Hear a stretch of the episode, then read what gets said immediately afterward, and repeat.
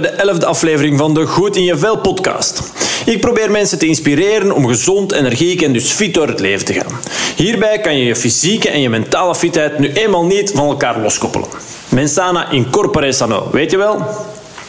Volgens mij is het heel waardevol je goed in je eigen vel te voelen en met voldoende goesting en energie door het leven te kunnen, zodat je op je sterfbed niet te veel spijt moet hebben. Ikzelf krijg energie als ik mensen kan motiveren en als er voor openstaan hen te helpen dit voor elkaar te krijgen. Ik ben ongelooflijk dankbaar dat ik de afgelopen jaren al honderden mensen heb mogen begeleiden, zowel fysiek als online, om een leven te leiden waarin ze, naast de dingen die nu eenmaal moeten gebeuren, ook zoveel mogelijk te kunnen genieten. Met deze podcast probeer ik ook jou te inspireren. Dit door personen te interviewen die hun verhaal doen. Wat vinden zij belangrijk? Waar leven zij voor? Wat geeft hen goesting en energie om elke dag weer op te staan? In deze aflevering interview ik Hanne Moudens. Hanne had een ticket voor de Olympische Spelen in Tokio te pakken, op de zevenkamp. Maar ze was eigenlijk niet helemaal gelukkig. Na een tijdje besefte ze dat ze te kampen had met een burn-out, depressie. Ze gaf zowel haar ticket voor datgene wat als sporter toch het allerhoogst is, maar ook haar profstatuut en daarmee ook haar inkomen bij Sport Vlaanderen op. Heel wat onzekerheden. Of net rust en extra motivatie. Het kon allebei de kant op. Ontdek in dit interview het mega inspirerende verhaal van Lachenbek en Positivo, Hanne Moudens. Nee, goed. Um, Hanne, ja, allereerst bedankt om uh, even tijd voor mij uh, ja. vrij te maken. Um, ja, even vooruitspoelen om te kunnen terugkijken. Stel, jij ligt op je sterfbed. Hopelijk mag dat moment nog heel lang wegblijven. Mm -hmm. Ik ga er uit, je bent nog jong. Uh, maar welke dingen wil jij je dan vooral herinneren? Oei.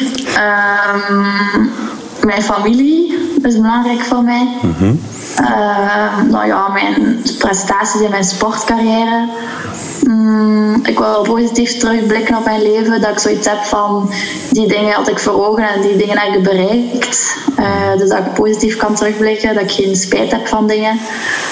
Uh, en ik wil ook wel ja, de wereld hebben gezien. Veel plaatsen beleven.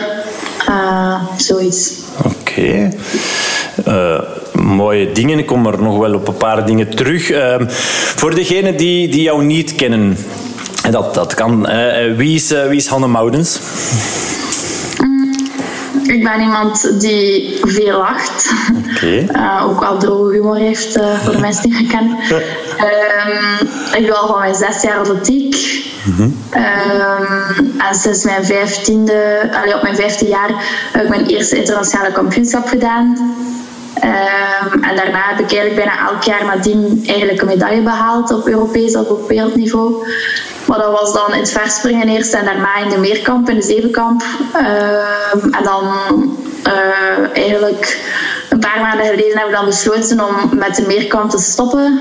Um, en over schakelen naar 400 meter, 800 meter.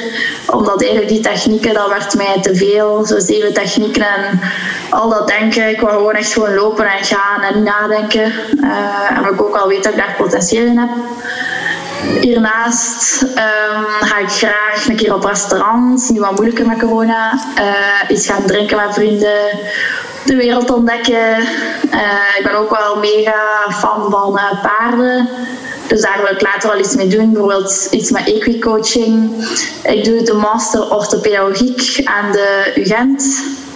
Uh, maar voor mijn training ben ik ook wel heel veel in Leuven. Dus ik heb zo een studentenleven, zeg maar, uh, in Gent en in Leuven. Alleen studentenleven, dat is een groot woord, want uitgaan, dat zit er niet echt in. Uh, dus dat is wel wie ik ben. Oké, okay, dat is al een hele buitenaf, hè? Ja. Oké, okay, um, zeg, uh, je zegt dat je positief wilt, wil, allez, wilt kunnen terugblikken um, mm. als je op je sterrenbed ligt en, en op, je, op dingen die je bereikt hebt. Die positiviteit, is dat iets... Um, heb je dat van, van thuis uit meegekregen? Of kan je dat, als je daarover nadenkt, van hoe, hoe, kan je dat plaatsen? Hoe dat, of, een verklaring voor geven waarom dat, ja. dat zo belangrijk ja. is? Ja, voor mij is dat super belangrijk om eigenlijk positief in het leven te staan. Want um, allee, ik zeg het, vorig jaar heb ik allee, gekampt met een burn-out, depressie. Want ja, dat ligt eigenlijk niet ver van elkaar als je het mij vraagt. Mm -hmm. uh, en dan was die positieve persoon eigenlijk weg. En nu dat ik me terug goed voel, is die terug. en ik heb dat wel gemist. Uh, en zonder dat je het weet, ja, ben je eigenlijk geen positieve persoon meer. Maar je omgeving merkt dat wel. Uh, en dat is wel pijnlijk voor je omgeving. Misschien nog pijnlijker voor je omgeving dan voor jouzelf. Mm en ik denk gewoon dat je een positieve mindset nodig hebt om dingen te bereiken, om doelen te stellen, om doelen te bereiken. Ja, gewoon om ja, gewoon te genieten van het leven eigenlijk. Ja, zeker. kan ik alleen maar beamen, zeker en vast. Zeg, um, je, geeft aan, je hebt vorig jaar uh, af te rekenen gehad met, met een burn-out. Um, je zegt zonder dat je het zelf weet, is dat effectief iets? Um, want ik kan me voorstellen dat dat voor een luisteraars wel interessant kan zijn. Want, uh, misschien, hè, je geeft aan, oké, je beseft dat zelf niet.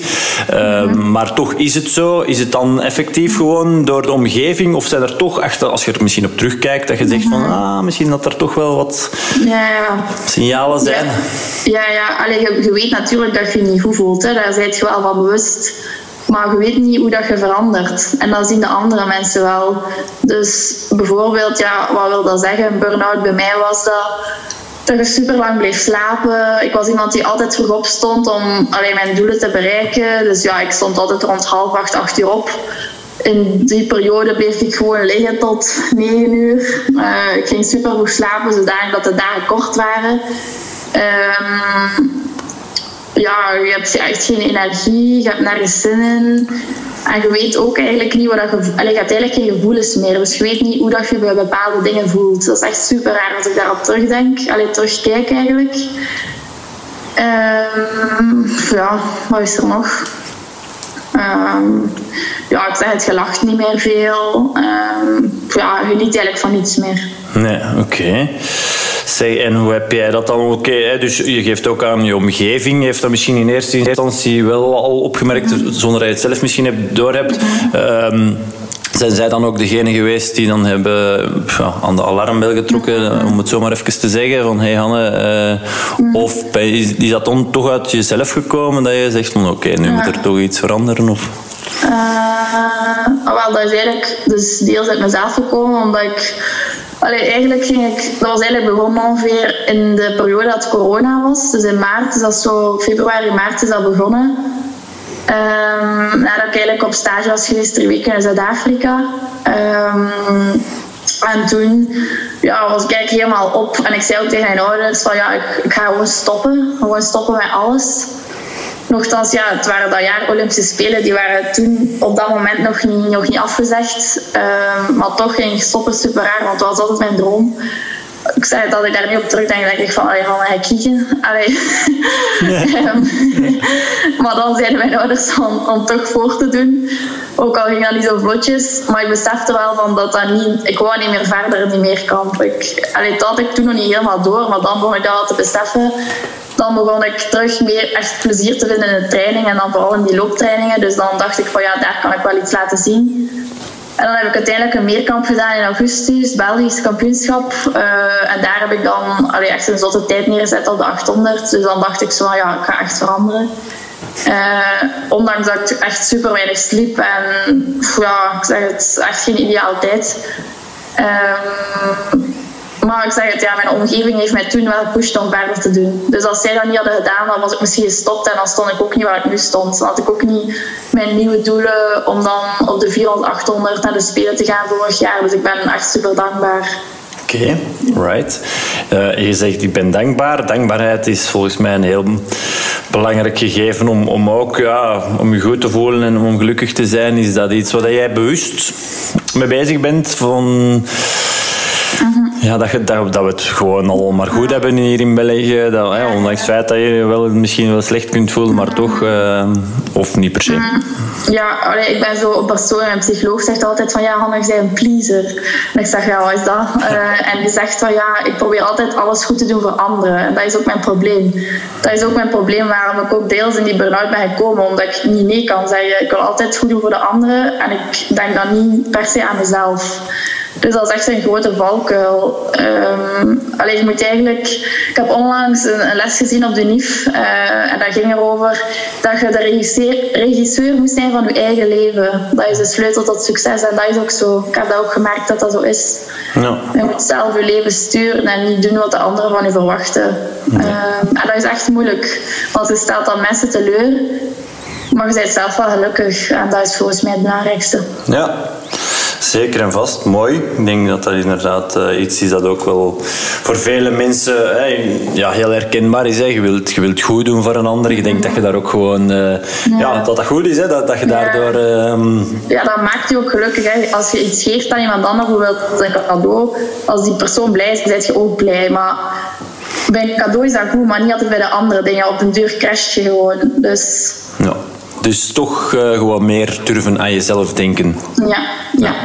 Allee, wat niet wil zeggen dat je geen rekening houdt met anderen, maar in de eerste plaats aan jezelf denken, ja. Ja, ik denk, ja, ik kan het alleen maar beamen. Ik zeg ook vaak tegen mensen die ik begeleid van, ja, weet je, alleen, jij bent alleen verantwoordelijk voor jouw geluk, hè.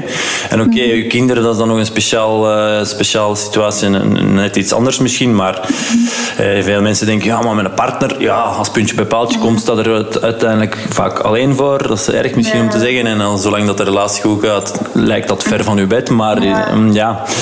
Dus uh, je eigen leven in handen nemen. Maar voor ouders is dat ook gewoon moeilijk. We zien dat ook in onze richting, zelf als een ongeboren kind zelfs als dat kind nog niet geboren is, gaan ouders beslissen van ja, mijn kind gaat dat worden en dat worden en gaat zo zijn en gaat dat aandoen. Dan denk ik van ja, oké, dat kind is er nog niet eens. En als die dan merken van ah, mijn kind kan wel sporten, het zou wel een keer handig zijn als ze dat zou doen. We gaan hen daarin ondersteunen. Allee, ook al dwingt je je kind niet, ook al doe je daar alles voor, dan is dat heel moeilijk om dan te zeggen van ah, oei, mijn kind stopt ermee of ze gaan nu iets anders doen. En dan moet je als ouder gewoon blijven ondersteunen en niet zeggen van nee, dat kan niet. Nee. En, en ja, is dat dan ook iets wat dat jouw ouders uh, hebben gedaan? Uh, jou, want ik kan me voorstellen, moeilijk, allee, je staat eigenlijk mhm. Ja, aan de top. Ja, dat, Dat, dat, dat, is het toch wel. Als je je geplaatst hebt voor de Olympische Spelen, dan ja, denk ik dat er niet veel hoger... Eh, ja, of een Olympische medaille, maar goed. Uh, dus, dus je staat aan de top. En, en uh, ik kan me voorstellen dat jouw ouders daar ook wel toch een belangrijke bijdrage hebben aan gehad. Jou hebben weggedaan en met jou hebben rondgereden en, en maar op. Ja, ja inderdaad. Ja, hè, toch? Ja, ik heb, ja, ik heb zelf gekozen. Als ik zes jaar was, dan zei ik van ja, ik wil in de atletiekclub gaan. En dan zei ze ja, dat is goed. En dan is mijn mama ook training willen geven. Ze heeft ook LO gestudeerd, master in Leuven. Um, ze is dan training beginnen geven, ze is daar ook ingerold. Ze is met mij meegegaan, de training, allee, chronosneeuwen, allee, al die dingen. Uh, gekookt, zorgt voor gezonde voeding, dus eigenlijk alles. En als jij dan zegt van ja, het jaar voor spelen, ja, ga je veranderen aan discipline, dan komt dat wel hard aan. Uh, ja, ik zei het, ja, dezelfde een ticket al voor Tokio, dus mm dat is echt pijnlijk. Maar ja, ik moest dat doen, want anders ging het echt niet aflopen. Oké, en, en, en wat, wat zeg je dan niet goed aflopen? Is, heb je daar ooit over nagedacht? Uh, wat dat, dat dan echt concreet zou... Alleen die invulling van niet goed aflopen? Mm, ja, ik vind dat moeilijk allee, om daar... Um, allee, om daarover te praten. Ik zeg het Allee, als ik zo diep zat, dan, dan was ik blij als ik sliep. Want dan dacht ik van ja, nu heb ik geen zorgen. Nu maak ik het bewust niet mee. Dus dat zijn al gedachten die niet oké zijn. Um, dus ja, dan weet je wel allee, aan wat je ook denkt. Maar ja. ja. Als ik daar nu aan terugdenk, denk ik echt van... Uh, allee, je kunt dat eigenlijk niet begrijpen. Dat is heel raar. Ja.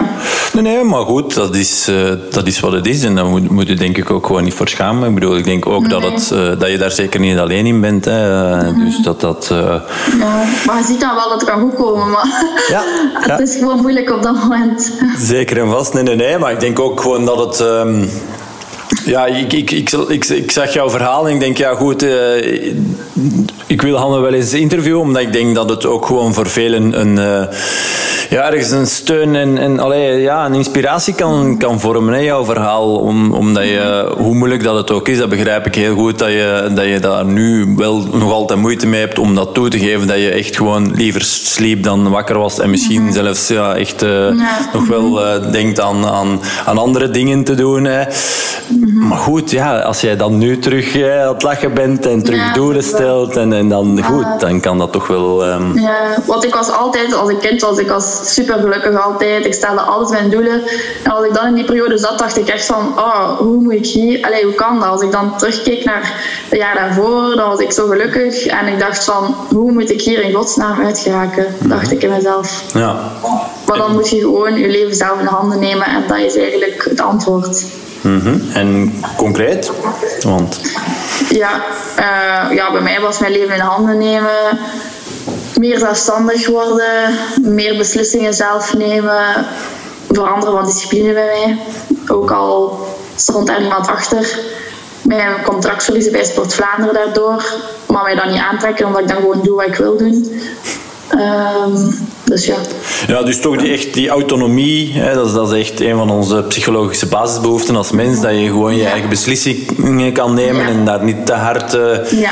ja. Dus dat is toch wel, denk ik... Uh, en in het verleden heb je dan eh, misschien het gevoel gehad dat, je, dat, je, dat er mensen voor jou beslisten of, of, of niet precies? Mm, ja, ik had gewoon als, vaak het gevoel dat mensen in mijn, na, allez, in mijn plaats beslissen wat goed voor mij is.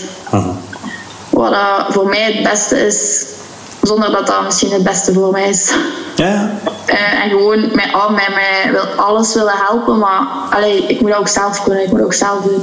Ja, zeker. Want op een duur ben je dan zo afhankelijk en heb je het gevoel dat je eigenlijk niet veel kunt, om het zo te zeggen. Uh, dus ja. Ja, dat is dan ook weer iets. Hè. De competentie, ik, zei net die autonomie, maar competentie is net eh, ook een psychologische basis. Het is wel gewoon belangrijk om te voelen dat je goed bent in iets. En dat je... Ja, als je niet oefent, kun je het ook niet leren. Dus. Nee, dat is waar. Zeker. Nee, nee. Zeg, en, um, ja, als, ik, als ik ze dan toch aan het noemen ben, hè, die autonomie, uh, de competentie en dan de, de derde psychologische basisbehoefte, de, mm de, de, binding, de sociale binding en, en mhm. tot, een, tot een groep behoren. Had je daar... Uh, was dat iets dat, dat meegespeeld heeft, dat, dat, dat je, waar je mhm. bang voor was, als, hè, die jouw beslissing mhm. kenbaar maken? Ja, ja ik trainde ook alleen vaak uh, voor de meerkamp. En nu allee, zit ik eigenlijk in een hele groep. En dat is allee, echt een tweede familie eigenlijk geworden al. -hmm. Dus dat is super leuk om altijd nu samen te trainen. En Allee, als ik zo diep zat door corona, kon ik mij ook verstoppen. Alleen niemand merkte dat ook, dat ik er niet was. Want er waren ook in het begin geen wedstrijden of zo, dus niemand had dat door. Dus ik kwam eigenlijk nog goed uit voor mij toen. um, maar mensen zijn belangrijk voor mij. Allee, ik heb veel mensen rond mij nodig. En allee, de mensen die ik nodig had, die waren daar toen ook voor mij. Uh, en dan merk je ook wel wie dat je echte vrienden zijn, vind ik. Als je het zo moeilijk hebt. En je familie natuurlijk. Um, ja, ik zeg het, ik alleen alles doen, dat is echt mijn ding. En sowieso, allez, ik heb ook een topsportstatuut bij de Unie van Gent. Dus ik doe 40 studiepunten en ik zit gewoon constant in allemaal verschillende jaren. Dus vaste vrienden heb ik daar niet. Dat is echt ambetant. Dat is echt een van de grote nadelen. Allee, dat ook wel eens mogen besproken worden, vind ik. Allee, er is niet echt een oplossing. Maar het is gewoon moeilijk. Ja. Maar dan moet je gewoon zorgen, alleen normaal gezien als je geen sport doet, ja, dan is het niveau voor school zijn dat je hoofdvrienden. Tenzij dat je dan vrienden van vroeger hebt. Maar ja, als je sport, dan is zijn, allee, heb je een groep als vrienden of van vroeger. Maar ja, niet de vrienden aan de UNIF. En het probleem is ook, ze vragen dan van ja, Hanne, gaat je mee uit? Uh, Hanne, ga je dit doen? Maar ja, dan zeg je van ja, nee, sorry jongens, ik moet om tien uur in bed, ik ga niet drinken. Dus ja, dan zeg ik ook wel altijd nee. En als je altijd nee zegt, gaan ze het ook niet meer vragen. Dus dat is het probleem. Ja, ja. En is dat iets wat dat je... Um, dat je het moeilijk mee hebt? Is dat, of is dat nee? Ja, niet kunnen uitgaan, oké, goed, corona is nu, hè, maar, maar inderdaad niet drinken, of is dat gewoon nee, oké, nee? Uh, maar ik heb het ook nooit gekend. Nee, Dus ik heb er ook geen nood aan. Allee, ik, ik zeg niet dat ik niet kan genieten op nieuwjaar om allee, te gaan dansen, gewoon een keer los te gaan. Uh, allee, dat vind ik ook echt super leuk of na het seizoen om dat te doen. Maar ik kan even goed genieten om iets te gaan eten, om iets te gaan drinken en dan gewoon op tijd in je bed te gaan. En dan de volgende dag op de training denken, yes, ik ben er klaar voor. En niet zo van, ja, ik ben zombie, ja, het lukt helemaal niet. nee, nee, nee. Zeg, en uh, alcohol, is dat dan iets? Drink jij dan met oudjaar of als je... Nee, of, of... nee, nee, ik drink eigenlijk niet, nee. Ik heb daar geen nood aan. Nee, nee, nee. Okay. Ja, mooi. Allee. Nee, nee, nee, maar er zijn gewoon toch nog altijd wel heel veel Vlamingen die, ja, die dan genieten of de, de knop afzetten even of zo, die dat dan toch associëren met, met alcohol drinken. Ja, of zo, hè. maar, maar allee, ik laat me al heel erg gaan in taartjes en zo. ja, oké, okay, oké. Okay. En is dat dan, ja, dat is dan na het seizoen, um, met oudjaar, ja. of, ja. of ook tijdens het, ik weet het niet. Uh, of, Allee, nee, hoe... Ik probeer gewoon, in, mijn, in het algemeen probeer ik 80% gezond, 20% ongezond te eten. Mhm. Mm -hmm. En taartjes zitten bij die 20%, dus ja, eet ik per week één taartje, wat maakt het uit? Als ik mij daarmee goed voel, dan doe ik dat gewoon. Ja, ja zeker. Ja, ja. En is dat dan op zondag of niet per se? Of nee? Er wel af. Nee, nee, oké. Okay, ja. Maar je houdt je aan één taartje per week? Of nee? Oh, ook niet. Dat nee. kunnen ook een keer twee zijn. Maar ja, nee, nee. Ik ga dat niet tellen. Nee. Allee, vorig jaar telde ik dat wel. Dat was ook een van de problemen. Um, maar nu doe ik gewoon wat ik wil. Ja, mooi. Goed, denk ik. ja. Oké, okay, dus uh, ja, dat is ook inderdaad een van de, ja, de basisregels rond voeding die ik ook inderdaad meegeef. En ik probeer dat dan wel zo wat uh, ja, concreter te maken. Want die 80-20% regel die je net aangeeft, om dan te zeggen van goed, 80% van, van de 21 hoofdmaaltijden, hè, als je er 7, uh, 7 dagen, 3 hoofdmaaltijden per dag, ja, dat zijn dan 17 hoofdmaaltijden. Proberen ze zo ja, gezond mogelijk en natuurlijk onbewerkte producten te eten. En dan vier ja. kan je al wel eens uh, er iets van afwijken. Wat ik ook niet mee bedoel, dat je twee keer friet moet gaan halen, één keer kebab en dan nog eens één keer uh, ja. dan een McDonald's. Ja, ik heb daar ook al tussen oplossingen voor, bijvoorbeeld kroketten. Dan steek je gewoon kroketten in een oven. En dan heb je, zit je ook al aan Nutri-score B. Want als je die niet bakt, dan is het eigenlijk niet eens zo slecht. Ja. Nee. De, dus dat doe je dan gewoon. Ja. Allee. En als je frieten gaat halen, één keer per maand, ja, dan pak je gewoon zoveel snacks als je wilt. Allee, ik doe dat toch. Meer snacks dan frieten. En dan denk ik, ja, oké, okay, het heeft mij smaakt. Ja, ja, het zal wel zijn. Het zal wel zijn. ik vind het wel mooi, want, want uh, ik doe dat zelfs elke week. En zelfs daar verschieten ook wel mensen van, oh, my, uh, friet, want frituur. En, uh, oh, en, en de mensen mogen dat gerust weten. Ik pak drie vleesjes inderdaad. En ik denk, fuck it, weet je. Um, maar ik doe dat één keer maar zelfs, uh, ja goed, ik, ik ben geen allesbehalve een, een topsporter. Um, dus ja, jij wel. Dus de, ja, allee, dus het feit dat je dat toch gewoon wel één keer per maand ja. doet en kan Maar doen. natuurlijk, allee, wat ik ook moet bijzeggen, ik doe nu allee, 800, 400, dus ik loop veel meer, dus ik verbruik ook wel veel meer. Ja. Dus dat is ook wel een voordeel. Als je twee uur techniektraining doet of een looptraining van uh, een uur en een half, dan heb je het dubbele verbruikt. Ja. Dus dan mag ik ook een keer wat meer eten. Dus dat is wel, ik moet zelf meer eten nu. Meer koolhydraten, meer aanvullen, meer eiwitten. Ja. Dus ja, ik zeg het, dat is ook niet altijd makkelijk om zelf veel te eten. Ik hoor dat ook van andere sporters, gelijk van zeilers, die moeten een bepaald gewicht hebben voor de snelheid van een boot, om, die, dat tegengewicht. En zij moeten veel eten, zelfs dat eten binnenproppen. Dan denk ik toch, oei, toch liever op mijn eten wat letten dan mij te zitten volproppen, als je mocht kiezen. Ja, ja, ja, zeker. Ja, dat is waar. Ja, ja. Dus je, de verhalen van anderen, dat, dat, dat, dat, is, dat ze echt meer moeten eten dan dat ze eigenlijk... Allee, dus ook al hebben ze voldoende, dat ze toch nog moeten blijven eten. Dat, dat is ook heel moeilijk volgens mij. Ja, en ook niet zo gezond eigenlijk. Hè. Allee, Nee. Jezelf Maar ja. overeten is... uh, maar goed, ja, als het dan ook weer al uh, helpt om, om het doel Ja, te bereiken. Ja, ja, top- ja, vaak ook niet zo niet gezond. nee, nee, nee, nee, inderdaad. Al mee geweten, sporten is gezond, maar topsport niet meer Nee, vaak. nee, nee, zeker en vast. Nee, nee, nee, daar heb je volledig gelijk in. Zeg, ehm, je zei er straks ook van, ehm, dat vind ik wel een hele mooie, ehm, omdat ik dat ook heel vaak zelf gebruik, van hey, als je op je sterfbed ligt, ik wil eh, ook geen spijt, eh, geen spijt hebben. Ehm, ja, vind ik echt... Is, zijn er dan wel... Kan je daar... Kijk je dan nu, want oké, je, bent- je hebt die switch gemaakt van de zevenkant Ja. naar nu. Heb je Ja. van iets spijt of toch... Of Nee, heb je zoiets ik, van... Als ik, als ik die switch niet had gemaakt, dan had ik spijt gehad. ja. Want als ik... Allee, ik kijk met heel veel voldoening terug als ik zevenkamp deed. Ook als ik jonger was. Maar het voordeel was, ik was groot, ik had veel kracht, ik was snel. De technieken boeiden niet zoveel. Ik bedoel, ik had een bepaalde basis. Dus ik haalde medailles omdat ik talent had ook en omdat ik doorzette. Maar als je dan ouder wordt, wordt het alsmaar belangrijker om je te onderscheiden van de anderen. Dan moet je je kracht kunnen omzetten in die technieken. En als dat niet lukt, dat is echt frustrerend. En daarom had ik zoiets van, wat doe ik het liefste, waar voel ik mij goed bij, kom, ik ga gewoon veranderen. En ik gooi gewoon alles overboord. Ook dat contract, ik had een contract van Sport Vlaanderen en ik dacht, ja, wat maakt het uit, ik ga niet voor uh, dat geld blijven doen wat ik graag doe. Ik zoek me wel iets anders. Ja. Ja, Niet gemakkelijk, maar goed, ik heb nogal wel in het verleden met, uh, met sporters uh, contact gehad. Het is ook niet dat je daar... Uh, Oké, okay, dat is natuurlijk... biedt ergens wel een ondersteuning, dat, ja, dat contract. het is pijnlijk, hè? Ja, Allee, want, ja, want je kunt ook van de Vlaamse Atletiekliga... Je kan ook nog amper onkosten indienen. Ik mocht superveel indienen, omdat ik... een hoog statuut had, maar nu moet ik me eerst terug bewijzen in die loopnummers. Allee, op wereldniveau, op Europees niveau. Mm -hmm. Dus ja, moet ik dat eerst doen en heb ik dat volgend jaar wel terug, maar nu niks. Dus ik moet mij redden. Maar ik zeg het, ik ben al bezig met andere projecten. Dus het is eigenlijk wel tof. Het is een uitdaging. Ja, ja, ja. heb jij dat nodig? Uitdagingen? Ja. Ja, ja, ik heb dat nodig. Maar dat is mijn probleem. Ik kan ook niet echt grenzen. Dus okay. dat stelde me... Ik heb vorig jaar heel lang, zelfs twee jaar lang, heel lang verder ges, allee, gesport met een blessure. Mm. Uh, die eigenlijk ondraaglijk was op het einde van de pijn. Maar toch deed ik het omdat ik gewoon die doelen wou bereiken. Ook al wist ik dat dat niet slim was. Maar ja, ik zeg het. Allee, ik heb 2K meegedaan met een, een stressfractuur aan mijn scheenbeen. Dat was bijna volledig door als ik die foto's heb, allee, foto's heb laten maken.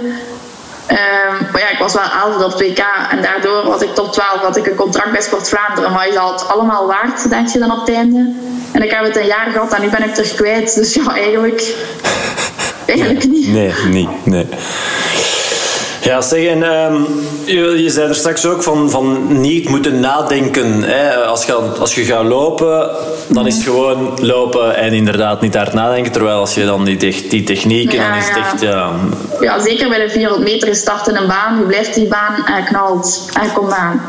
En een 800 is er nu wel nog wat tactiek dat erbij komt kijken, wat ik niet gewend ben om zo in groep bij allemaal sneller bij elkaar te lopen. Dus ook zeker op kampioenschappen moeten dan kijken. Allee, wordt er zo traag lopen, maar ja, dan moet je zien, dan wordt er op het einde versneld, gaan er de eerste drie tijden door, moet je zien dat de race niet te traag is, dus daar moet je allemaal rekening mee houden. Dus dat is moeilijker, dat moet ik leren. Maar op zich, ja, ik zie dat wel. Ja, het komt wel goed, hè? Ja. ja. het komt wel goed. Ja, toch? Ja. Allee. Allee, in de meerkamp ging ik altijd bij de 800 gewoon alleen van door. Dat was makkelijk. Ah ja, okay. Niemand in de weg. Maar ja, nu wel. Ja, ja, ja, ja. oké. Dus jij was... Dus het is niet zomaar out of the blue. Het is echt wel gewoon ook een heel doordachte keuze. Je was gewoon al heel goed op de 800 meter in de zevenkamp. Ja, ik had, ja. Allee, ik had op twee EK belofte dat ik de beste uh, Europese jaartijd ooit gehaald. Um, dus ja, dat was al niet slecht. En dan, nee. nu, en dan nu met die, vorige zomer met die 206, allee, had ik zelf sneller dan uh, ja, Jessica Ennis en die Johnson Thompson, die wereldkampioen zijn geweest. En Jessica Ennis, Olympisch kampioen, die ook keigoed waren naar nummer. Dus dan denk je, oh ja, misschien moet dat toch eens gaan veranderen. Ja, ja. ja zeker, ja, ja tuurlijk. Ja. Ja, Tia Ellebout worden toch ook, uh, ja, is, is allee, anders, maar alleen niet naar een ja, loopnummer, maar wel uh, overgeschakeld. Ja, zij zou ook bij goed in hoog springen en ze had ook genoeg van die nummers. Ze kon daarin uitblinken, dus verandert je gewoon. En je hebt een goede basis. Alle meerkampers die zijn veranderd, hebben een goede basis. Allee, zijn minder blessuregevoelig doordat ze zoveel spiergroepen hebben aangesproken. En halen gewoon wereldtop. Allee, kijk naar Daphne Schippers, kijk naar Nadine Visser. Hmm. Kijk naar Tia. Dus ja, ja. waarom niet? Hè? Zeg, en um, ja, als we het dan toch uh, hebben over al die... Uh, ja, toppers, toppers, toppers, hè, die je net, die je net op, opnoemt. Is dat dan, waar, uh, waar droom jij nog van? Als je, als je mag, als er geen limieten op staan? Uh, ja, uh, dus ja, ik wil sowieso Tokio, Tokio doen. Allee, dat zal kort zijn om het te selecteren op de 800, maar dan voor de aflossing voor de 4x400 zou dat normaal geen probleem mogen zijn. Dan ben ik er gewoon bij, dus maak ik gewoon mee. Uh, dan de Spelen van Parijs, allee, dat zou een hoofddoel zijn. dus ja, daar uh, ja, zou ik toch zeggen van, dat ik daar wel half finale wil op de 800. Mhm. Eh, en dan ja, heb je ook nog alleen. Ik ga proberen doorgaan tot dan, want in de afstand, hoe langer dat doorgaat, hoe beter dat is. Uh, dus ja, droom ik wel van de finale, wie weet de medaille. Uh, maar ja, ik zeg het, ik zie wel. Mhm. Als ik doe wat, wat ik graag doe, is het goed. En ja, ik wil ook sowieso op de 800 onder die 2 minuten grens lopen. Uh, dat is mijn doel nou, de rest zie ik wel. Ja, ja, ja oké. Dat, is, dat is al heel, mooi. Parijs 2024, of is dat ook gewoon een jaartje opgeschoven? Nee, toch, dat is gewoon... Nee, dat blijft. Dat blijft, uh, ja. En dan ben jij uh, eh, 27 ongeveer, als ik even... Ja, ja maar nu 23, ja. Ja, en dan, ik weet het niet, ja, dat, dat zeggen ze wel eens, rond de 7, 28, dat je dan op je, je top, top bent? Of, mm, want je maar dat is voor elke discipline anders. Anders, ah, wel, ja. ja. want in het afstandslopen zeggen ze omdat je lichaam allee, meer aan kan als je iets ouder bent. Ja. Maar bij andere nummers dat vaak rond 6, 27, ja. Ja, wel, ja. Um, dus, en dan durf je nog verder vooruit kijken? Of zeg je van, ja, dat is niet per se... Hè, want 2028, als je, ja, of is dat te ver voor jou? Of, of, nee, dat is te ver. Als ik, als ik drie spelen heb meegemaakt, dan denk ik wel dat ik hoe kan terugblikken. Het zal wel zijn, ja. ja. Zeg, um, je gaf daar straks al aan van, uh, van oké, na de topsportcarrière, um, wat wanneer dat, dat dan ook zal zijn, hè, 2024 mm -hmm. of, of wie weet, met uh, mooi, uh, mooi eindigen, dat zou mooi zijn. Um, ja, paarden. Of is dat iets... Um, en en hoe, hoe denk je aan die switch? Want dat is toch ook... Allee, goed, dat is nu nog wel een beetje ver van, mm -hmm. van uw bed uh, natuurlijk. Ja, Laat ons maar eerst focussen op, op de carrière. En, toch maar hoe ga je daar, uh, ja, hoe zie je dat? Uh... Ja, ik heb nu net mijn, mijn, mijn bachelorstage gedaan, want die moest ik nog opnemen. Allee, ik zit al in een master, maar die moest ik nog doen omdat dat nooit uitkwam qua planning.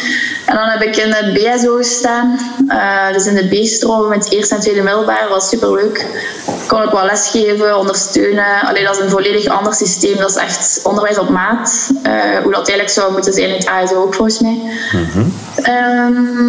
Dat interesseert mij wel, maar aan de andere kant allee, maakt je word je geconfronteerd met erge dingen van kinderen, van gezinscontexten. Dus ik nam dat wel mee naar huis. Dus dat was nu niet dat. Nee. ik had dat moeilijk om dat los te laten. En ik voelde dat ook als ik s'avonds moest trainen, dacht ik echt, oh my god. Dus dat was zwaar. Dat was alleen vier weken, zeker op het einde. Tot het begin van het schooljaar. In het begin zijn alle kinderen normaal. En dan na drie weken denk je, oei, mij allemaal scheelt er wel iets. Ja, oké. Dat is eigenlijk te zeggen, maar... Ja, toch. Het is, als het de realiteit is, als het is wat het is. Ja, als het, ja, ja. Zeg, en, en uh, je nam het mee naar huis, dan zou ik denken van... Uh, goed, dan ga je inderdaad trainen en dan kan je daardoor wel even echt gewoon mm ja, leegmaken, maar mm, lukt het ja, niet. Je kunt, je kunt je hoofd leegmaken inderdaad, maar als je dan een zware training hebt, dan bots je gewoon tegen jezelf. Ja, oké. Je kunt gewoon minder goed afzien als je met moeilijke dingen bezig bent. Oké, ja. Dan ben je gewoon emotioneel zwakker. Ja, zeg het. Ik had een training, een moeilijke training. En eigenlijk in de rust tussen mijn twee riksen stond ik gewoon met tranen in mijn ogen. En op dat moment, als de training alleen, kon ik het ook tegen niemand zeggen. Ja. Dus ja, dat is ook een probleem. Je blijft doorgaan. Dus ik heb die training afgewerkt, maar eigenlijk wil je dat graag aan iemand vertellen op dat moment. En stopt je eigenlijk beter. Dus ga je weer al door je grenzen. Mhm. ja. Dus dat is niet oké, eigenlijk. Nee, nee, nee, oké. Dus, dat is wel niet dus, gemakkelijk, hè? Ja, je grenzen. Dus ja, dus ik wil wel graag doen in het onderwijs. Maar dan misschien eerder als ondersteuner. Dus op basis van het MD dus kinderen met, die extra zorg nodig hebben. Dus een kind met ADHD, autisme, slechtziendheid, die toch in het gewone onderwijs komen. Die krijgen extra ondersteuners van buitenaf. En dat zou ik wel willen doen. Ja. Um, en daarnaast wil ik ook wel iets doen in verband met paarden inderdaad, met die equicoaching. Dus eigenlijk mensen coachen aan de hand van paarden, mensen met problemen in het gezin, mensen die zichzelf kwijt zijn, mensen met depressie ook, burn-out, allerlei zaken eigenlijk um, ondersteunen. En ik vind het ook belangrijk dat het noemt equi-coaching en dat is ook iets belangrijk. De coach staat naast de persoon en niet boven de persoon. Dus jij zijt er voor die persoon en niet omgekeerd. Um, dus daar wil ik iets mee doen. Daar ben ik nu ook al een opleiding voor aan het volgen. Uh, even tussendoor. Ja, ik was ook aan het denken, maar ja, ja. kan er nog wel bij. Ja. Uh, dus dat wil ik nog aan het doen. Dus daar wil ik later iets mee doen. En ik zou ook graag iets willen doen. Allee, iets willen veranderen in topsport omtrent... Ja... Hoe moet ik het zeggen? Um, in verband met ook die voeding vind ik het belangrijk dat er een topsport, allee, omtrent ook de gymnastiek zijn daar ook verhalen over geweest. Mm -hmm. um, van de mental abuse, dat is niet enkel in gymnastiek, dat is ook in andere sporten. Dus dat moet veranderd worden. Allee, daar zijn al dingen voor. En dat moet niet in kranten komen, dat moet van atleten zelf komen. Dus daar wil ik iets rond doen. Uh, en dan ook gewoon de vrouw binnen topsport ten opzichte van een man is zo'n groot verschil. Um, en daarnaast allee, was er uh, ook nog een les dat super interessant was. Um, en dat gaat ook over. Allee, je hebt aan de ene kant heb je een medisch discours waar je werkt met labeling, dus dat mensen altijd een label krijgen, want ja, jij bent een autist of jij bent dit of dat. En aan de ene kant geeft dat die persoon wel aan de ene kant een verklaring voor zijn gedrag, dus ook naar de buitenwereld toe heeft hij zoiets van: oké, ik kan zeggen wie ik ben, maar aan de andere kant alleen moet je ook nog een discours hebben waar dat je ja, eigenlijk je leven zelf in handen neemt.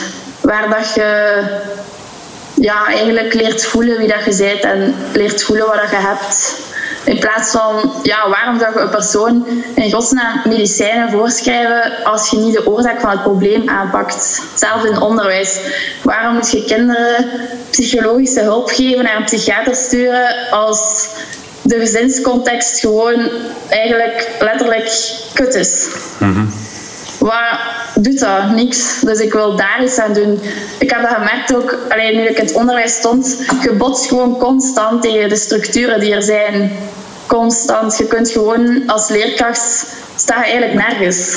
Als je iets wilt melden, als je iets wilt doen, ja, je kunt eigenlijk niets doen. Dat is super frustrerend. Als een kind tegen u zegt van ja, ik word geslaan thuis, um, ik word mentaal mishandeld. En daar zijn geen bewijzen voor, dan sta je gewoon nergens. En dat is super erg. Zo erg, dat is ook iets waar ik niet mee om kan. Ja. Dus um, ja, die, die, dat oneerlijke, dat is iets waar jij... Allee, dat is gewoon, dat voelt... Ja, dat is gewoon... Is dat iets... Dat, dat, ja, dat, dat knaagt echt. Ja, ja, dat is echt wel... En dat, en dat, pak je dus ook wel mee. Dat soort dingen, dat is wat hetgeen waar je het er net over had. Ja, ja. ja. Want ik vind het gewoon Allee, op een lagere school is een leerkracht ook de persoon waar je naar opkijkt, waar je bij terecht kunt. En dan in BSO, bij die kinderen, ja, die zijn een beetje achter. Dus bij hen is dat ook het geval. Dus zij komen bij jou terecht met verhalen. Maar jij zit vast met die verhalen. Je kunt daar bijna niets mee aanvangen. Dus dat is gewoon super erg. Ja. Ja, ja, ja, begrijp ik. Ja. En je zegt ook van, van die medische labeling, dus dat je, ja, dat je ondanks het feit dat er een bepaald bepaalde sticker en een bepaald label op jou wordt geplakt, dat je toch daarnaast moet durven voelen van ja. wie ben ik, wat heb ik nu? En, en, ja, inderdaad, een label is inderdaad. Um, allee, aan de ene kant is dat positief, maar aan de andere kant is het ook negatief. Dat is positief omdat jij um, eigenlijk een verklaring krijgt voor je eigen gedrag dat je zelf niet hebt. Ook dat anderen u begrijpen. Uh, aan de andere kant is het negatief omdat je bijvoorbeeld iemand zegt tegen mij: Ik heb mega veel energie. Oh ja, jij bent hier met ADHD. Maar wat dan vergeten wordt is van: Ah, jij bent die persoon met ADHD, maar jij bent ook veel humor en jij bent lief. Maar niet van: Hé, hey, jij daar, allee, ADHD'er. Of jij daar, hey, de autist. Maar je bent veel meer dan enkel dat woord. Ja, ja. ja. Ja, dus inderdaad, ja, dat dat te, te benauwend, allee, te, te, ja, ja, je moet, moet niet gereduceerd worden tot een label. Dat is echt bullshit. Oh, ja, ja, inderdaad. Een persoon bestaat uit meerdere aspecten. En, en, en ik kan inderdaad wel gewoon, ondanks het feit dat hij ADHD heeft, gewoon ook inderdaad een heel mooie, lieve persoon zijn die er is voor anderen. En, uh, en ook gewoon, denk ik, het actieve durven en kunnen omarmen. Dat, dat, mm -hmm. Ja, ja dat, tuurlijk. Alles heeft ook zijn voordelen. Ja. Allee, ook waarom zou je een kind dat veel te veel energie heeft, waarom moet dat zeven uur op de schoolbank zitten? Waarom? Waarom mag dat kind niet gewoon vijf toeren in een hof lopen ondertussen in een wei? Ah nee, dat kan allemaal niet. Dat is geen plaats voor. En daar was er wel plaats voor in die BSO-klas. Zij hadden wel die plaats. Zij hadden een buitenklas. Zij kunnen naar buiten. Zij hadden een sportruimte als het hen te veel werd. En zo moet het ook. Ja, zo zou het moeten, inderdaad. Ja, ja. Als ik het zo hoor, dan uh, heb je nog wel veel, uh, veel in jou om inderdaad... Uh, en ik wens het jou ook, ook toe dat je dat inderdaad wel... Um, ja, bepaalde dingen, ideeën die je hebt en ambities, dat je die ook gewoon kan... ja, ook na jouw topsportcarrière, allee, dat, dat, dat lijkt me wel goed te komen als je al zoveel, zoveel ideeën hebt. Um. Ik vind dat ook gewoon jammer dat Alleen bijvoorbeeld de mensen die nu LO studeren, die moeten keihard kennen voor LO. Maar wat ik altijd had als ik op school zat, die leerkracht flipte al als ik op mijn handen stond. Want ja, ik kon wel eens op mijn hoofd vallen. En dan denk ik van, wat moet een kind nog kunnen dan? Een kind kan tegenwoordig niet meer koprollen. Een kind kan enkel op de computer zitten, op de Playstation zitten. Allee, dat wordt niet meer vuil buiten. Dat, dan denk ik van, ik heb vroeger in de modder gerold. Daardoor ben ik resistent ook tegen ziektes. Maar nu... Zeker. Ja, vol, volledig gelijk. Allee, ja, je gaat niet dood van een keer een konijnenkeutel opeten. Allee, dat is gewoon iets dat je test, iets dat je probeert. Ja. En als dat niet lekker is, ja, dan ga je dat niet meer doen. Ja, ja, ja. het is waar. Nee, nee, zeker. En, maar de dag van vandaag zullen er niet zo heel veel kinderen dan meer doen. Hè. Terwijl dat, nee, dat het ook niet. Nee, nee, nee, nee, dat is waar. Ik vind, het, uh, ik vind het wel mooi dat je dat... Want je bent zelf uiteindelijk nog wel jong. Hè. Uh, dat, uh, dat jij dat toch ook wel uh, zo ziet en dat, dat blijkbaar ook jouw ouders jou daar toch wel die vrijheid hebben. Ja, ja, ja, zeker. Mijn ouders stimuleerden dat. Allee, ik zat met mijn zus in bomen, bomen te, wij konden daar ook hè, van vijf meter, maar ja, zijn we dan dood? Nee. Waarschijnlijk niet. Allee, nee, nee, nee, als nee, nee, dat is gewoon het risico dat je neemt. Het is dan mee, ja. ja. Ja, het is dat, je moet maar leren, je moet met je kop tegen de muur lopen. Mm -hmm. Dus ja, ik hoor bij, bij, ons op school in het weekend. En kindjes, wat willen gedaan dit weekend? Ah, op de Playstation gezeten. Ah, niet. Ah, heel in mijn bed gezeten. Heel op mijn gsm. Dan denk ik van, wow, mooi weekend. Bij mij zag het er wel anders uit. Ja, ja. Ja, zeker en vast. Dus toch wel heel veel, uh, een heel groot aandeel opvoeding gewijs. Ook de, wat de stimul, stimulans van de ouders zit het ja, daar toch ook in? Het is, het is heel moeilijk, hè, ook als ouder. En ik ben mij daarvan bewust. Als ze allemaal zeggen, als het ene kind een gsm heeft en jij niet, ah ja, dan word je gepest, want je hebt geen gsm. Wanneer geeft je dan een gsm? Als je het echt nodig hebt, in het, in het zesde leerjaar, als je zelf met de fiets moet gaan. Maar dat is voor veel kinderen en ouders momenteel te laat. Je botst gewoon constant tegen de grenzen van de maatschappij. Ja, dat is waar. Ja. En niet altijd makkelijk om... om uh, ja, tegen de stroom te durven inzwemmen. Hè? Ja, dat is, dat is, hè, want... Nee, want ja, als jij inzwemt als ouder, dan is er, bestaat er een kans dat je kind gepest werd, wordt. En je wilt altijd het beste voor je kind. Ja. Dus dan geeft je die gsm. Ja, zwaar. Ja. Dat is natuurlijk een, moeilijke oefening, hè. Een, een dunne lijn. Je, je wilt inderdaad als ouder het beste voor je kind. En, um, maar ja, ja, ja dat is... Um, dan moet je gewoon thuis zorgen van tussen dat duur en dat duur mocht je erop en daarna geef je hem af. Ja, grenzen stellen, toch? Dat is een, op, dat is een oplossing, ja, grenzen stellen. Ja, dat je inderdaad. Uh, ja, goed. Uh, ik vond het heel mooi. De, de coach staat naast de persoon bij de Eki coaching. Uh, is ja, dat, moet overal zo zijn, ook binnen sport, oh, dat is niet het geval. Nee, jawel. Ja, dat wou ik juist vragen inderdaad. Heb jij dat zo ervaren? Dus dat is ja, het feit dat je ja, dan, nee, dat is zeker niet, altijd het geval. Nee, ik heb meegemaakt dat dat niet zo is en ook gezien dat dat niet zo is. Nu is dat wel zo. Nu staat hij naast mij, nu kan ik zelf inbreng geven. En dat is belangrijk, zelf inbreng kunnen geven. Nou, weer al die, eh, die, ja, die autonomie, dat je zelf uh, inderdaad het gevoel hebt dat je... Ja. ja. Ja, alright, oké. Okay. Um, ehm, je hebt, we hebben het al even over, over de voeding gehad, dat jij ook wel durft uh, een, een, taartje te eten en uh, frietjes van frituur. Um, ik las ergens, uh, want ik heb mij ook voorbereid uiteraard. Ik ging, uh, ik ging elke dag slapen met honger uh, ja. vroeger. Um, hoe, ja, hoe kijk jij naar honger? Want ik zeg vaak soms tegen mensen van... Hey, ja, oh, maar ik had honger. Ja, ja, maar hadden echt honger? Of, of, hè, want ja, ja. De Vlaming kent honger niet. Ja. Snap, allee, allee, de meeste, dat was bij mij vooral vorig jaar zo. Ja. Dus dat was zeker niet altijd mijn sport, allee, in mijn sportcarrière. Nee. En mijn mama hechtte daar veel belang aan. Maar als je op stage bent, dan... Ja, zie die coach wat je eet. Um, en dan botsen. um, omdat de meeste coaches een eigen theorieën maken. So, ik zeg niet alle coaches, maar er zijn coaches die een eigen theorieën maken over voeding. En niet naar een expert luisteren. Um, dus jij mag dan zeggen wat je wilt. En je denkt ook dat, die, dat het beste is wat zij zeggen. Want zij coachen nu en zij hebben al resultaten gehaald. Dus je, doet dat. Wat is gaan slapen bij honger? Dat is s'avonds geen koolhydraten eten. Dus vier uur trainen, vijf uur trainen en geen koolhydraten eten. Dus ook niets aanvullen. Dan ga je slapen met honger. Um, ja, dat is iets bestellen op restaurant en je patatten laten liggen. Dat is slapen met honger. Ja. Dus toch conclusie, want dat is de dag van vandaag, koolhydraten, dat is allemaal slecht en dat gaan we toch niet eten. En, uh, um, ja, door een bepaalde uh, dame die in Vlaanderen nogal veel kookboeken verkoopt, uh, heeft daar denk ik wel, uh, zonder met de vinger te wijzen en zijn naam te noemen, maar goed, koolhydraten zijn slecht, en, maar dat blijft, dat vergeten inderdaad heel veel mensen, wel de belangrijkste energieleverancier voor ons lichaam, koolhydraten. Dus... Als je verbruikt hebt, moet je aanvullen en als je geen koolhydraten eet, dan eet je suikers en daar worden, dat is slecht. Ja. Dat is het probleem ook bij sporters. Allee, er zijn veel mensen die kampen met eerst anorexia-neigingen, maar dan met bulimie. Van, ah ja, ik eet geen koolhydraten, maar ik heb dan wel plots de neiging om vijf pakken koeken te eten. Van, oei, ik mag dat niet eten, want dan ben ik te dik, dus ja, zal ik het uitkosten. En je ziet niet aan die mensen dat ze het hebben, want ze zien er gewoon normaal uit. Maar in mijn hoofd zitten ze er helemaal door. Ja.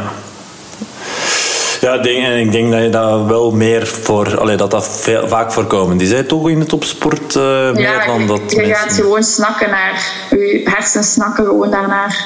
Hm. Die hebben ook een koolhydraten nodig uh, om te functioneren. Ja, dat, is... Dus dat, dus dat is echt niet oké. Okay. Je moet gewoon zelf kunnen beslissen voor jezelf wat goed is voor je. En gewoon gezond eten, maar dan af en toe uh, een keer zondigen. Ja. Dus ik denk dat dat toch wel een belangrijke boodschap is die jij, um, ja, die jij meegeeft. Van, van inderdaad, probeer gewoon echt te voelen wat goed voor jou is. Probeer je eigen pad te, te volgen. Um, ja, laat je begeleiden gewoon door een expert. Ja. Je kunt perfect laten meten wat je lichaam nodig heeft. Je ziet perfect op je horloge hoeveel calorieën dat verbrandt. Dus je hebt er zoveel verbrand, dus vult er zoveel aan. Zo simpel is het. Ja, als het dan gaat over voeding, maar ook gewoon denk ik op, op andere gebieden durven uh, je eigen pad te bewandelen en... Uh, ja. Te, te, te ja. voelen ja, dat je, wat dat je wilt, maar dat is niet altijd natuurlijk uh, ja, niet zo evident uiteraard. Kan je ja. daar nog uh, tips uh, of dingen dat je zegt van... Uh, dat... Waarvoor tips? Ja, om, om inderdaad gewoon algemeen je eigen pad te durven volgen. Oh, ja, ja. ja, inderdaad. Gewoon allee, focus op je sport, liefst ook op je studies daarlangs, uh, om er iets naast te hebben. Zorg gewoon dat je ook dingen naast je sport hebt. Ja. Waar je je kunt in ontspannen, anders houd je niet vol. Ja, of voor niet-topsporters kan die sport dan misschien die ontspanning zijn. Hè? Naast ja, job bijvoorbeeld, toch uh, zien dat je ja. toch... Oh, ja. Allee, het zijn mensen die zeggen van... Allee, tijdens de examens, ik hoor dat vaak... Dan studeren die van 8 uur s morgens tot 10 uur s avonds. En dan vraag ik, en wat heb je gedaan? Oh, zeg, ik kan me niet meer concentreren. En dan vraag ik, van, ja, heb je een keer ontspannen? Ah ja, nee. Ik zeg, ja, wil je loopschoenen aan gaan lopen of iets anders doen wat jij leuk vindt? Mm. En je kunt je veel beter concentreren. Ik heb allee, een plan gewoon. Ik heb voor mijn examens ik, leer, ik leer nooit s'avonds voor een examen de dag ervoor. Gewoon omdat ik klaar ben en dat ik zoiets heb van... Ja, oké, het zit in mijn kop. En dan sta ik om zes uur maar op en ik herhaal. Mm Maar vorig jaar, als ik mij zo slecht voelde, dan panikeerde ik gewoon. Ik, ik had dat eigenlijk nooit gehad. Als mensen zeggen van, ik huil voor een examen, dan dacht ik altijd van, ja, wat zegt je nu? Maar nu kan ik, kan ik me dat beter inbeelden van, ik huil voor een examen. Maar ik heb dat nooit gehad nooit voor mijn school en ook nooit voor een wedstrijd zal ik huilen omdat ik het niet zie zitten. Ik zal gewoon, ja, gewoon ervoor gaan. Ja, zien dat je goed voorbereid bent, toch? Is dat niet... Ja, inderdaad. En goed time management gewoon. Ja. Allee, als je s'avonds voor je examen... Oké, het zijn examens waar je niet anders kunt. Hè. Ik heb ook al gehad dat ik in tijdsnood zit en dan kan het zijn dat je tot tien uur studeert, maar ik hoor mensen die tot twee uur s'nachts gestudeerd en volgende dag een examen. Dan denk ik, ah ja, je hebt dan vijf uur geslapen, dan kun je nooit een goed examen doen. Stop dan gewoon en sta gewoon vroeger op. Nou ja, ah, die snappen dat niet. Of de weken ervoor, hè. Of, of, ja, gewoon... Ja, gewoon, gewoon bijhouden in het jaar. Als je uitgaat in het jaar, ja, dan zitten met de gebakken peren, maar ja. Ja, ja, oh, oké, ik denk dat je wel eens kunt uitgaan, maar dat het inderdaad de voorbereiding, hè, ja, gewoon... Je moet gewoon bijhouden, gewoon bijhouden. Dat is, dat is de, het is ook gewoon zo'n groot verschil van middelbaar naar UNIF of naar hogeschool. Zoveel mensen gezet ze zijn gewoon niet voorbereid. En dat, is, heb ik ook gemerkt. Allee, je leert op school moet je vijf blaren kennen voor een vak. Uh, op UNIF moet je er uh, eh, 400 kennen voor één vak. En dan denk je, ah ja, we zijn wel goed voorbereid. Hè? Nou, niet dus.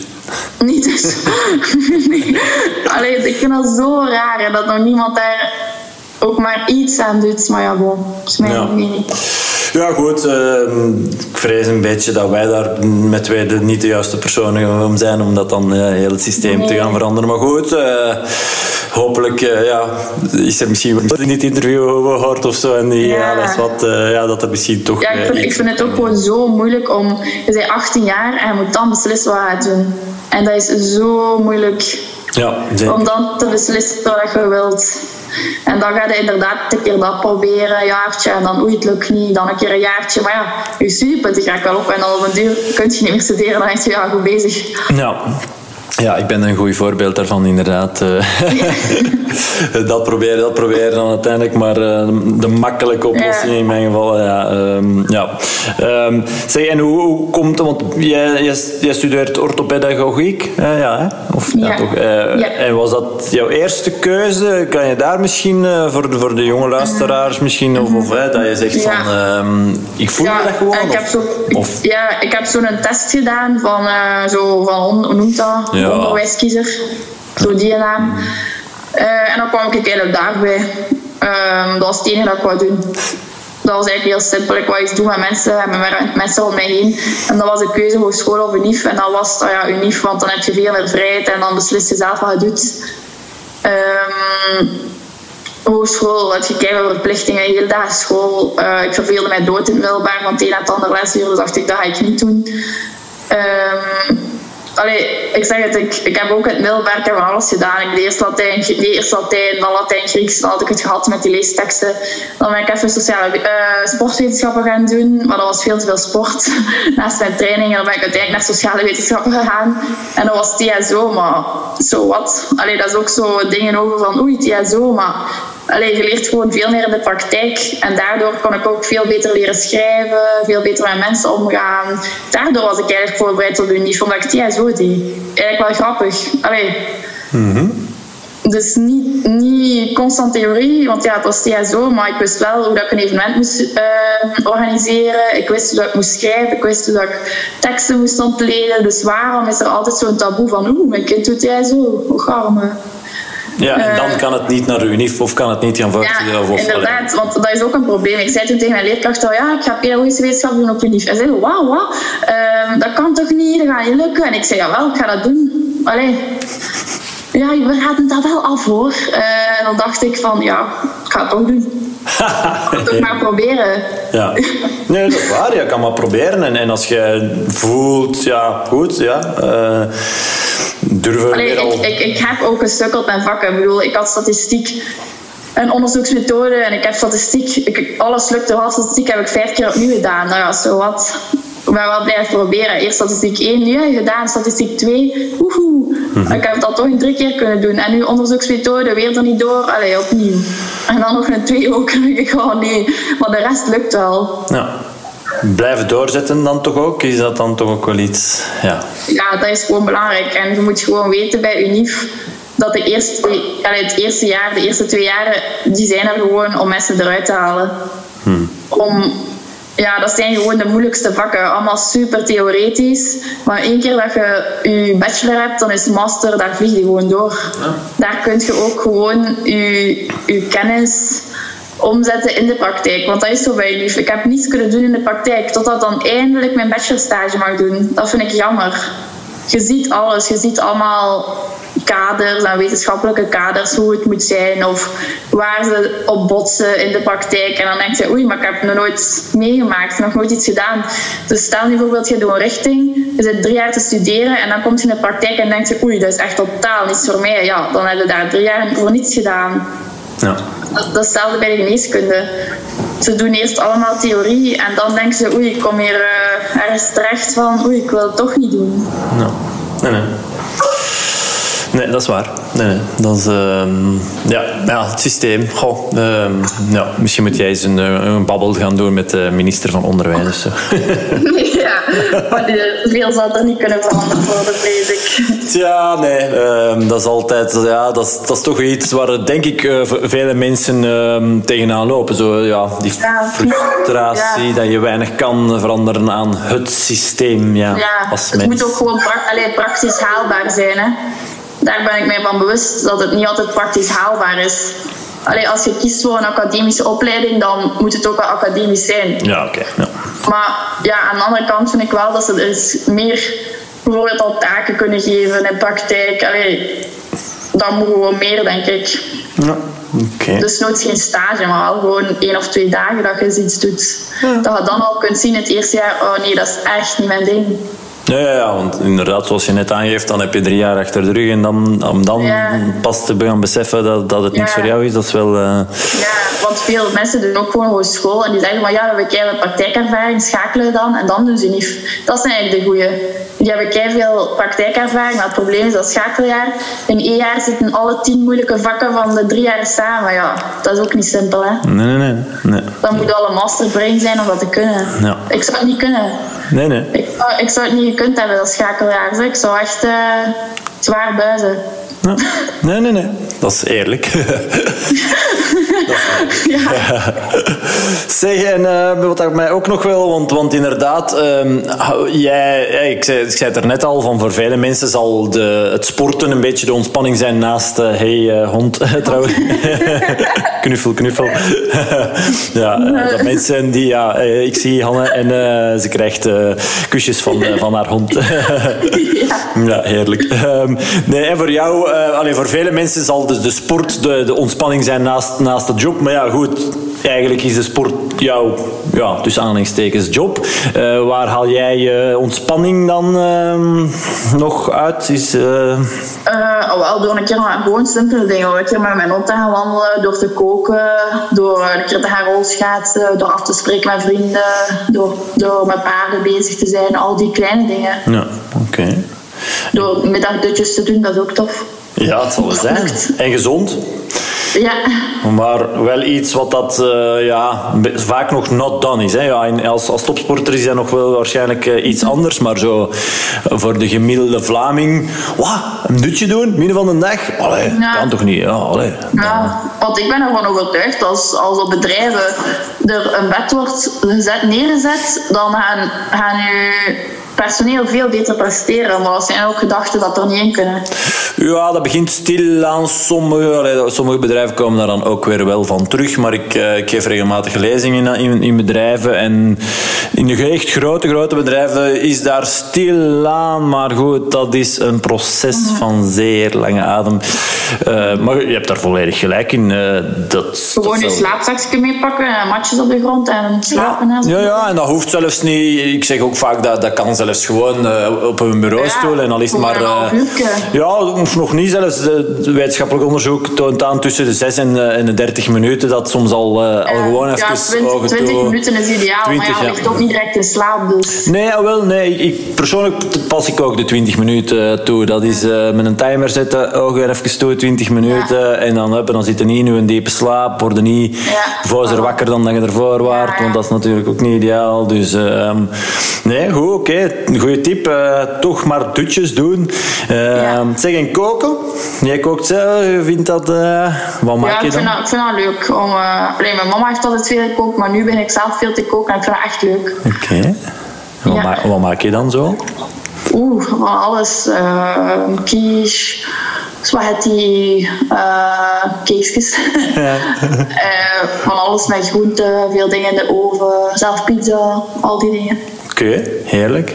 Dus, uh, en rolschaatsen, dat is dan toch ook wel... Ja, ik, weet ja, ik ben, ik ben al langs beginnen doen. Ik had eerst inline skates, maar nu heb ik van die... Ik had zo... In Gent was er een skaterwinkel, zo op vier uur. En ik dacht, ik ga een keer proberen. Hm. En dat was echt super lot. Allee, super tof. Echt mijn ding. En dat is goed voor mijn bilspieren, goede training. Ja, zeker. Ja. Oké, goed. Dus tip voor de mensen: probeer ook eens dingen uit die je misschien niet kent of uh, ja. onbekend is, onbemind. Uh, durf eens iets uh, uit te testen. Oké, goed. Um, Right, ik denk dat we, want ik ga eens kijken, ik denk dat we ondertussen wel uh, een, een, tijdje, uh, ja, we zijn al een uurtje aan het, uh, aan het, aan het babbelen. Ehm, ja, goed, ik, ik rond meestal, ehm, ja, ik heb nog twee vraagjes waar ik meestal zo wat met, met afrond, laat ons zeggen. Ja. Um, enerzijds, ja, is er nog een, een, een vraag die ik had moeten stellen, die ik niet gesteld heb? Oh, nee, daar gaan heel veel vragen uitgesteld. Nee, denk niet. Nee, oké, nee, nee. Ja, en dan, ja, dat is, dat is natuurlijk een niet oh, ja, helemaal eerlijk uh, om, om het hey, je bent een topsportster, dus uh, ik stel altijd de vraag, um, als, als fit, fitheid betekent dat je je gezond en energiek voelt, um, en echt een, het draait voor mij toch ook echt wel rond een gevoel, um, hoe uh, fit voelt Hanna Moudens zich dan op dit moment op een schaal van, van 1 tot 100? Mm, oei, um, toch wel 95, ja. Nu heb ik deze morgen trein, dus nu ben ik al slaperig. Ja, oké, ja, ja, ja. Maar, ik vind ook wel, allee, gelijk dat je zelf zei, allee, voordat we nog niet opnamen, allee, het is belangrijk om inderdaad sport te, doen, te kunnen doen op elk zijn niveau. Mm -hmm. En dat mensen zich goed kunnen voelen door sport. En ik ben, allee, ben van mening als je bijvoorbeeld iets zwaarder bent van, van bouw en je wilt ook afvallen om je beter te voelen, ja, laat die mensen dan niet lopen. Hè, want dan is het slecht voor hun knieën. Zet die op een fiets eerst, laat die wandelen. Mhm. En ja, laat die gewoon een ding doen. Ook, ze zeggen dan van ja, de mensen moeten een duurloop doen. Oké, okay, daar verwacht je bijna niks mee. Laat die mensen gewoon in en out doen. Laat die gewoon vijf minuten traag lopen en een minuutje snel.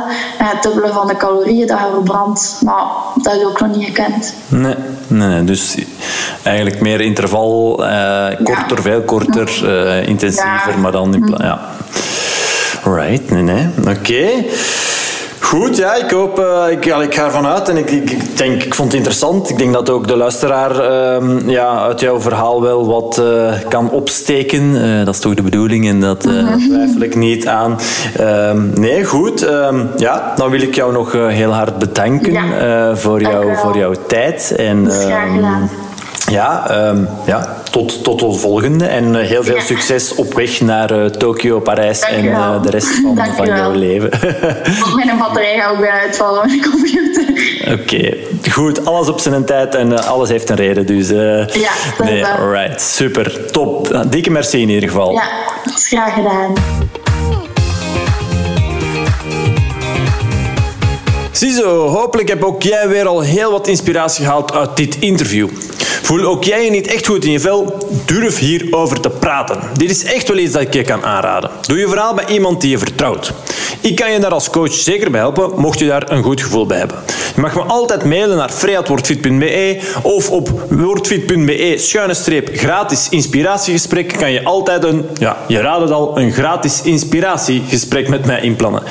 Maar hey, even goed je hart te luchten bij iemand anders waarvan je weet dat je hem of haar kan vertrouwen. In de volgende aflevering interview ik actrice en auteur Leen den Dievel. Ze speelde onder andere mee in Thuis, maar schreef ook boeken Hart over liefdesverdriet, Asem over angstaanvallen en de roman George en Rita. En ik kan je nu al vertellen dat ik van elk van deze boeken één exemplaar mag wegschenken.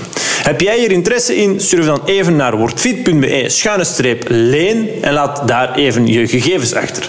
Voor de rest wens ik je nog een geweldig vervolg van de dag toe en vergeet vooral niet te genieten. Tot snel!